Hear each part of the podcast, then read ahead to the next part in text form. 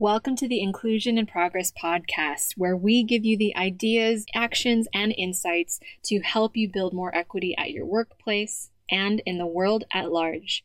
I'm your host, Kay Fabella, international expert on diversity, equity, and inclusion, a Filipino American living in Spain, and your guide in navigating this DEI journey.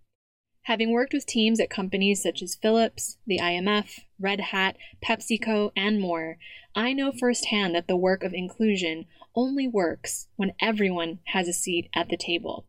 Regardless of your personal entry point into this conversation, your race, ethnicity, gender, ability, age, sexual orientation, country of origin, or educational background, we all have a role to play in creating inclusion for all. And it starts with us having conversations we need to create the change we wish to see. So let's dive into today's episode.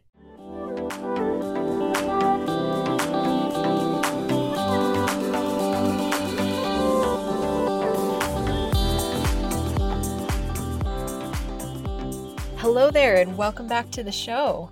So, oh my gosh, can you believe we're already wrapping up the first month of 2021? I know January always feels like a long month, but I would say that this one in particular was a pretty rocky start to the year for many of us, to put it lightly. I mean, just from my vantage point as somebody who sees the world through multiple lenses, you know, the same day that the attack on the Capitol happened in my birth country, here in Madrid, we were wrapping up our Reyes or Epiphany Day celebrations at the same time that we were experiencing the start of our first snowstorm in over 60 years. And you don't need to know much about Spain to know that this kind of weather is, well, not something we're prepared for. and I gotta admit, though, in the midst of where my brain and my head and my heart were at with everything, it was pretty fun to just watch people bust out their skis and snowboards and, shall we say, creativity with their snow sculptures. I'll leave it at that.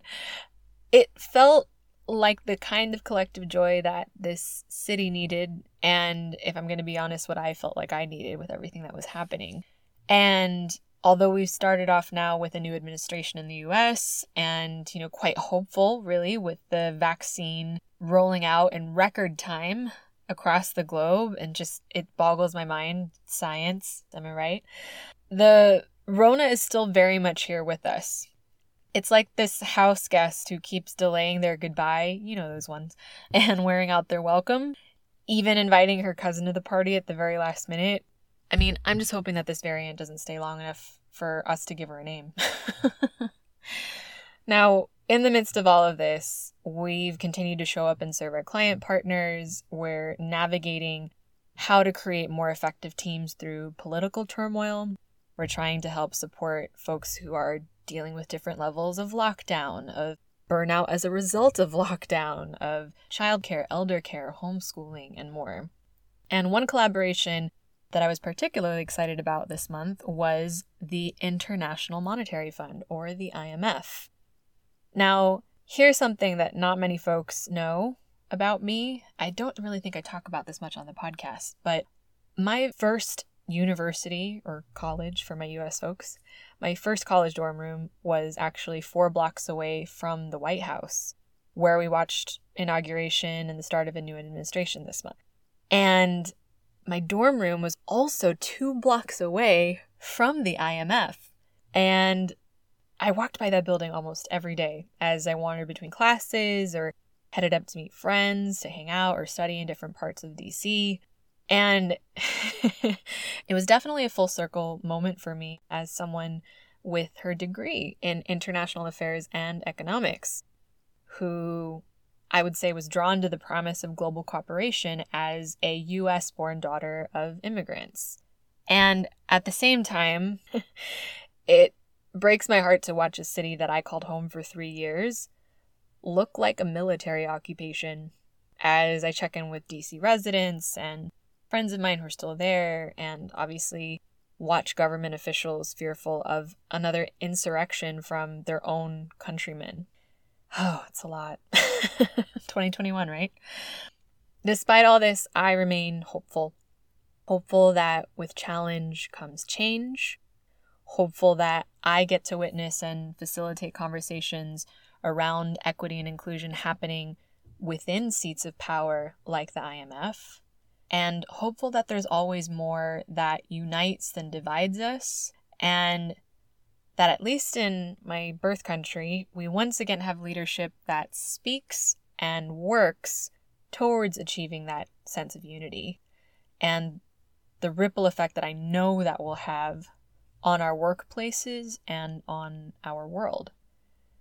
Now, with that said, we've now opened up spots for client partners for Q2, so April, May, and June of 2021 and those spots are going quickly. So, if you're ready to deepen your company's commitment to diversity, equity, and inclusion this year, and are looking for a trusted thought partner to help you sustain your initiatives as you're growing your DEI strategy and your DEI team, please book a call to work with us at the link in the show notes, as always, or head to kayfabella.com.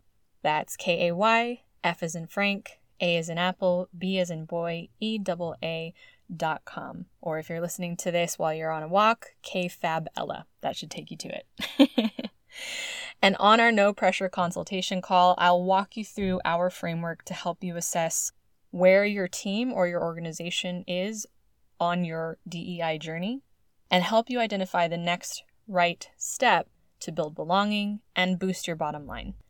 I'll also share information about our popular Lunch and Learn Start to Scale DEI which I'll be diving into more later on in this episode. But if you know you're ready to partner with someone to help you scale diversity, equity, and inclusion at your company, or you're just looking for a place to start, head to the link in the show notes or book a free call to learn about working with us in Q2 2021 at kfabella.com. Now, many of my US based listeners will know this already, but according to the most recent Bureau of Labor Statistics monthly jobs report, 100% of jobs lost in December 2020 in the United States belonged to women. Now let that sink in. Every single job lost at the end of 2020 belonged to women. That's heartbreaking and appalling. And within those numbers, we saw, unsurprisingly, the disproportionate effect on women of color, specifically Black, Indigenous, and Latinx women. For context, men actually gained 16,000 jobs over the same period, which means that now the unemployment rate for all segments of female populations in the United States has gone significantly higher than that of men. And that also means that gender inequality in the workplace has also increased. Now, we know that working mothers, women of color, women with disabilities and those in senior leadership in corporate America are, well, I say corporate America, but really across the globe, are all facing unique challenges due to the coronavirus pandemic. According to the Women in the Workplace 2020 report that was run by leanin.org and McKinsey, one in four women are contemplating downshifting their careers or leaving their jobs due to pressures that they're facing during COVID 19. Now, some of the things that the study said that are driving women out of employment include caregiving pressures at home on top of their jobs, or the fact that women make the majority of the workforce in most service based industries. And burnout is now a real thing for most working women due to them having to be always, quote unquote, on shift in both an increasingly pressurized workplace and when they're at home caring for people who depend on them among their other household responsibilities. Now, many diversity advocates, like myself, are understandably alarmed, as this threatens to undo all of the progress that we've made towards gender equity in the workplace. If we lose most or all of the women at work today, and trends look likely, we lose out on future leaders and diminish our ability to hire the best talent in the decades to come because lack of representation in senior leadership positions conditions how job candidates see a company's commitment to diversity, equity, and inclusion, and whether or not they will choose to work with us. The good news is that there is still plenty of opportunity for organizations to recommit to gender equity, to increase representation and retention of diverse female talent during the pandemic, and align with your company's larger DEI initiatives and commit to inclusion to win the war on talent as we come out of COVID 19. And that's exactly what we're going to be discussing on today's episode. So, one way that your company can look at retaining and grooming female talent for leadership positions during the pandemic is by prioritizing intersectional gender inclusion strategies in your leadership development and your succession planning. Now, as I've shared on this podcast before, most diversity, equity, and inclusion, or DEI initiatives, tend to get hung up on the diversity piece. How do we get more people of visibly different backgrounds in the room? But often those initiatives tend to miss out on one or two aspects. The first being, what are we doing to include those people when they come in the door? And the second being, how are we developing that talent to prepare them for leadership roles in our organization? We know that the demographic shifts of tomorrow's workforce means that we have work to do to create company cultures that fully embrace the different identities and individuals and even their overlapping identities as they join our teams, which is where intentional succession planning comes in. In a nutshell, succession planning is an ongoing process of identifying, recruiting, and developing talent with necessary competencies to fill key positions in your company, thereby ensuring a continuity of leadership in all of those critical positions. So instead of focusing on filling a role for the sake of meeting some diversity quota, we need to be thinking more broadly about an individual's diversity dimensions as well as taking into account their skill sets and leadership potential for us to continue to invest in them. Then include strategies in our succession planning and in our broader DEI initiatives to foster that potential and position that individual for professional growth. But we also know that bias and lack of support are the reason many of these future female leaders end up leaving the workforce in the first place. Whether it's microaggressions piling up over time, sexual harassment, or managers and team members not offering empathy or support to help working women who are struggling in many cases with the equivalent of a part time job in caregiving duties and household chores on top of their full time workload during COVID 19. Meaning companies end up losing out on these future leaders before they even get to that middle rung of the corporate ladder because they think that they're on a one way road to burnout and are unwilling to sacrifice their or their family's health and well being for the sake of a job, no matter how much they love it. So, what can you do to make your succession planning strategies more effective and actually work to retain your female talent today? Now, providing your female leaders and employees with the tools and support structures they need is a good first step. Consider that in addition to a full workload, being their household's primary caregiver financial and job anxiety, and a high pressure to perform in spite of all of this, working women's mental health is precarious right now. And when you consider how that affects women of color, LGBTQ and non binary women, immigrant and disabled women, all dealing with additional barriers and discrimination related to their intersecting identities, you've got to lead with empathy for these situations too.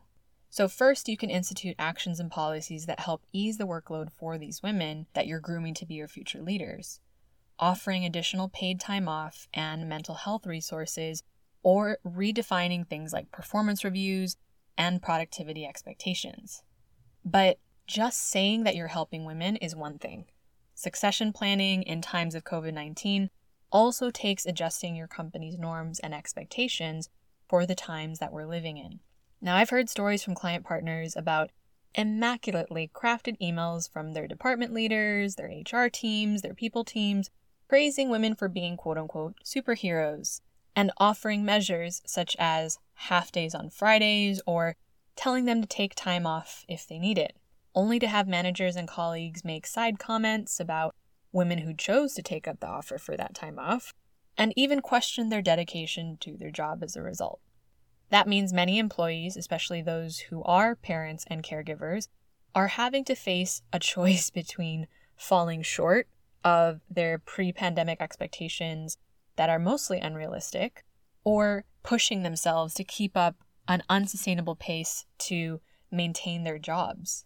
Now, as Archbishop Desmond Tutu said, there comes a point where we need to stop just pulling people out of the river. We need to go upstream and find out why they're falling in. So, the second thing to look at for your succession planning is how you're creating systemic cultural and behavioral change to support your training of these leaders. Think of how you can reset your company culture's norms around productivity, performance, flexibility, communication, and the nature of how we treat one another at work. So that way, you help women not just hear that they're being supported to take on these leadership roles in the future, but you're also creating a company culture where they feel comfortable expressing when they need help or rest to keep doing their job well.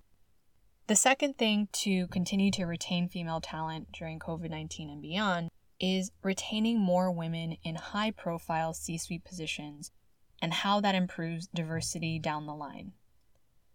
Now, back in episode 45 of the podcast, where we talked about how to actually talk about privilege, I fist pumped, not so secretly, over the fact that my home state of California passed a law at the end of September 2020 mandating more diversity within corporate boards of executives, which means that 625 organizations, including many companies that we've worked with, are being legally required to include at least one person from a minority or an underrepresented background by the end of this year of 2021.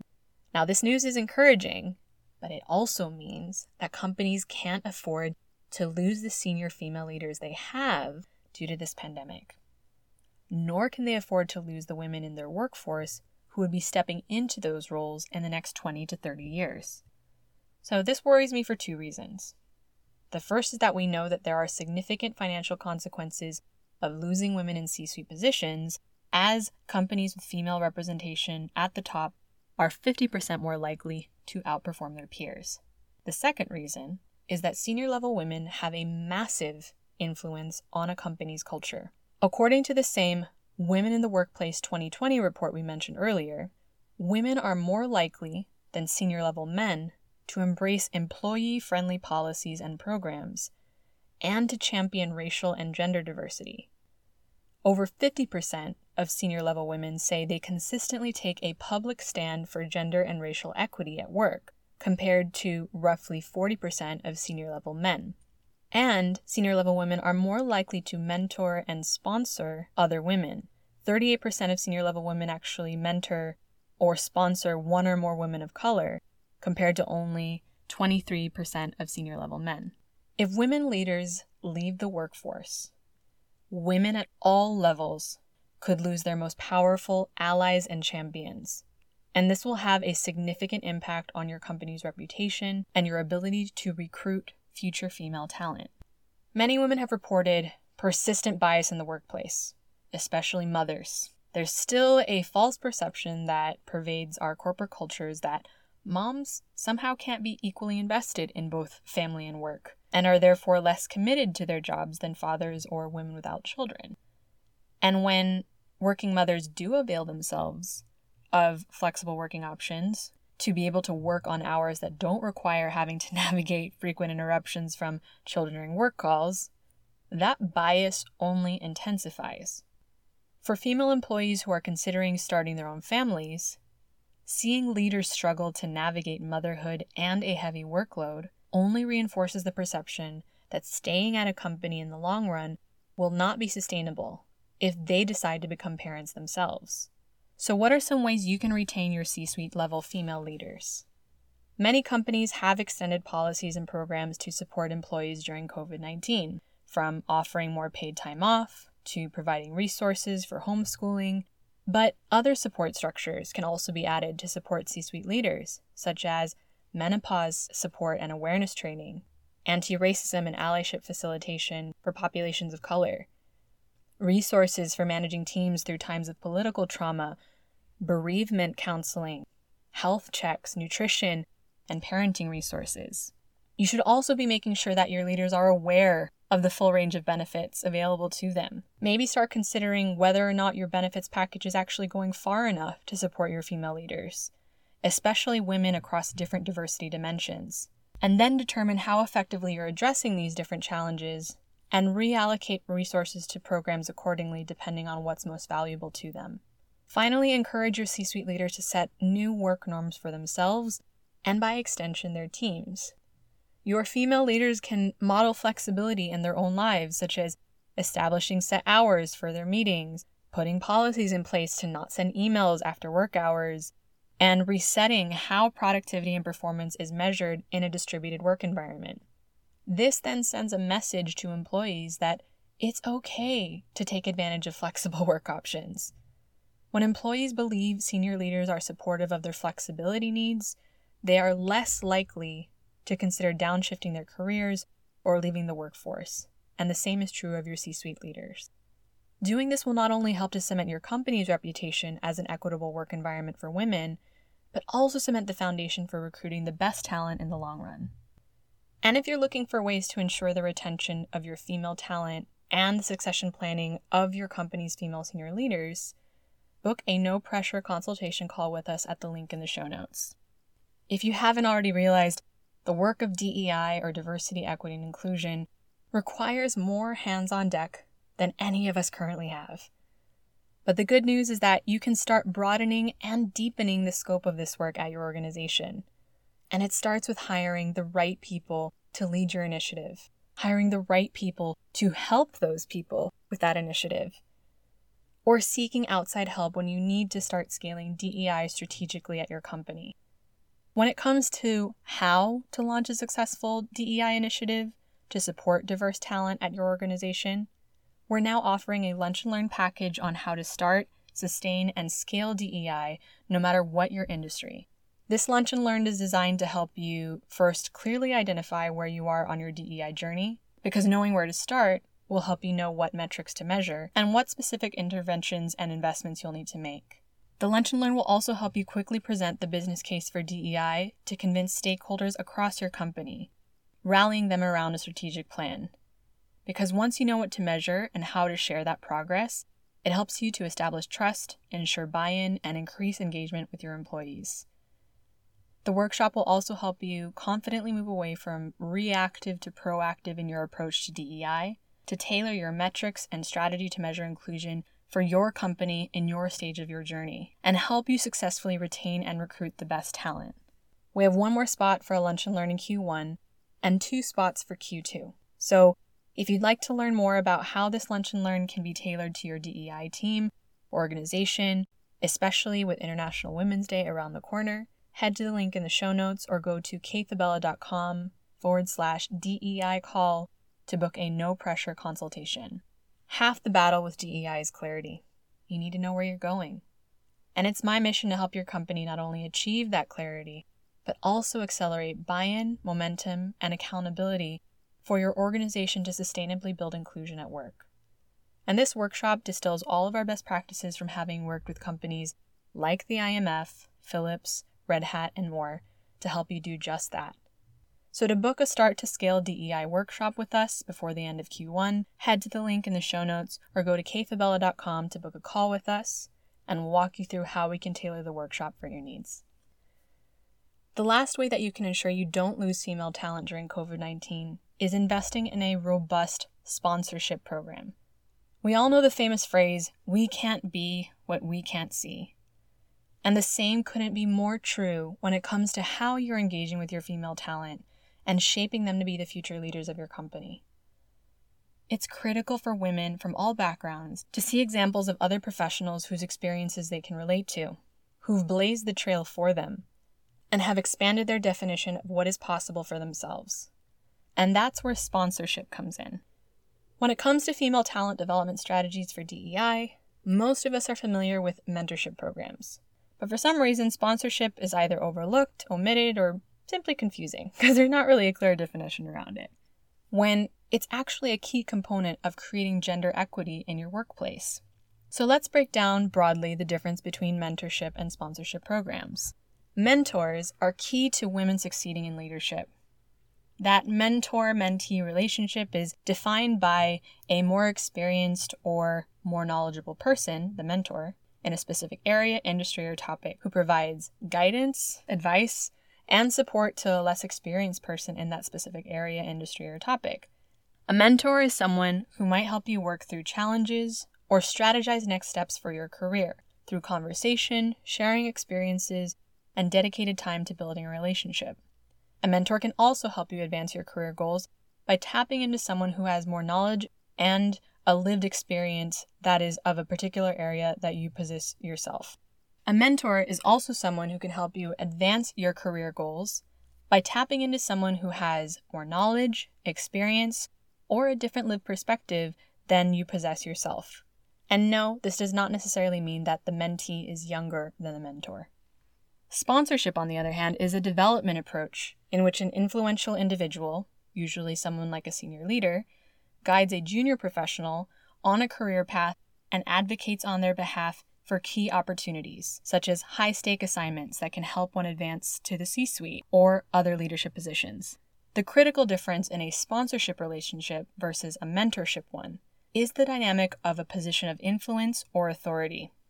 A person can only truly be a sponsor if they are able to create an opportunity for you that you otherwise would not be able to access on your own.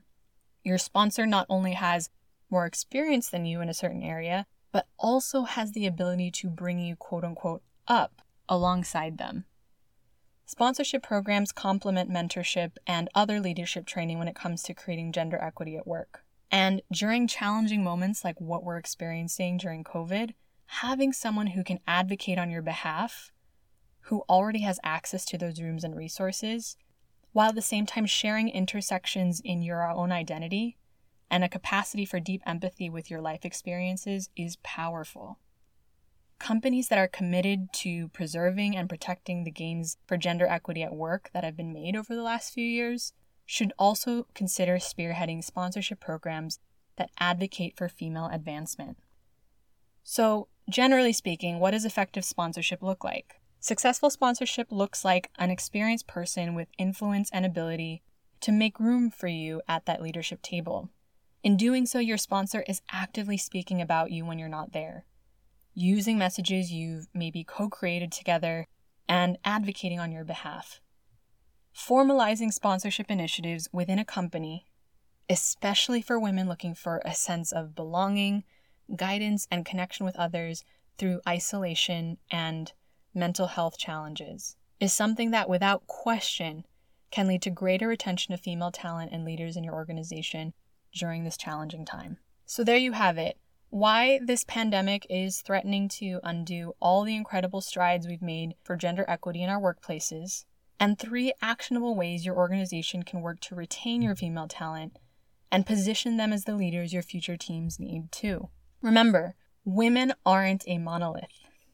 There has been no one single experience for women, working women, and caregivers during COVID 19, especially when we look at populations such as women of color, disabled and veteran women, or members of the LGBTQIA community. But with this challenge comes an opportunity for us to effect real change. What we decide to do with this opportunity is completely up to us, and all of our teams will benefit. Now, we're currently working with global organizations like Philips, the IMF, Red Hat, and more on intercultural, intersectional inclusion strategies that will help prepare your DEI initiatives and your company culture for the future of work. Setting the foundation for an inclusive work environment today will reap dividends for your company for decades to come. Finally, if you'd like to learn the mechanics of how to launch a successful initiative at your organization, regardless of where you are on your journey, we're now offering that Lunch and Learn package that I mentioned on how to start, sustain, and scale DEI at your organization. As I said, we have one more spot for an L&L or Lunch and Learn in Q1 and two spots for Q2. So if you'd like to learn more about how this Lunch and Learn can be tailored to your organization's International Women's Day, gender equity initiatives, etc., head to the link in the show notes or go to kayfabella.com to book a no pressure consultation call. We'll be scaling back on content production as we scale up to serve our existing client partners this year. So stay tuned for our next episode on February 10th, 2021. As always, thank you for listening. Thank you for sharing the resources that are here. Thank you for everyone who subscribed, rated, and reviewed the podcast. And I'll see you next time on Inclusion in Progress.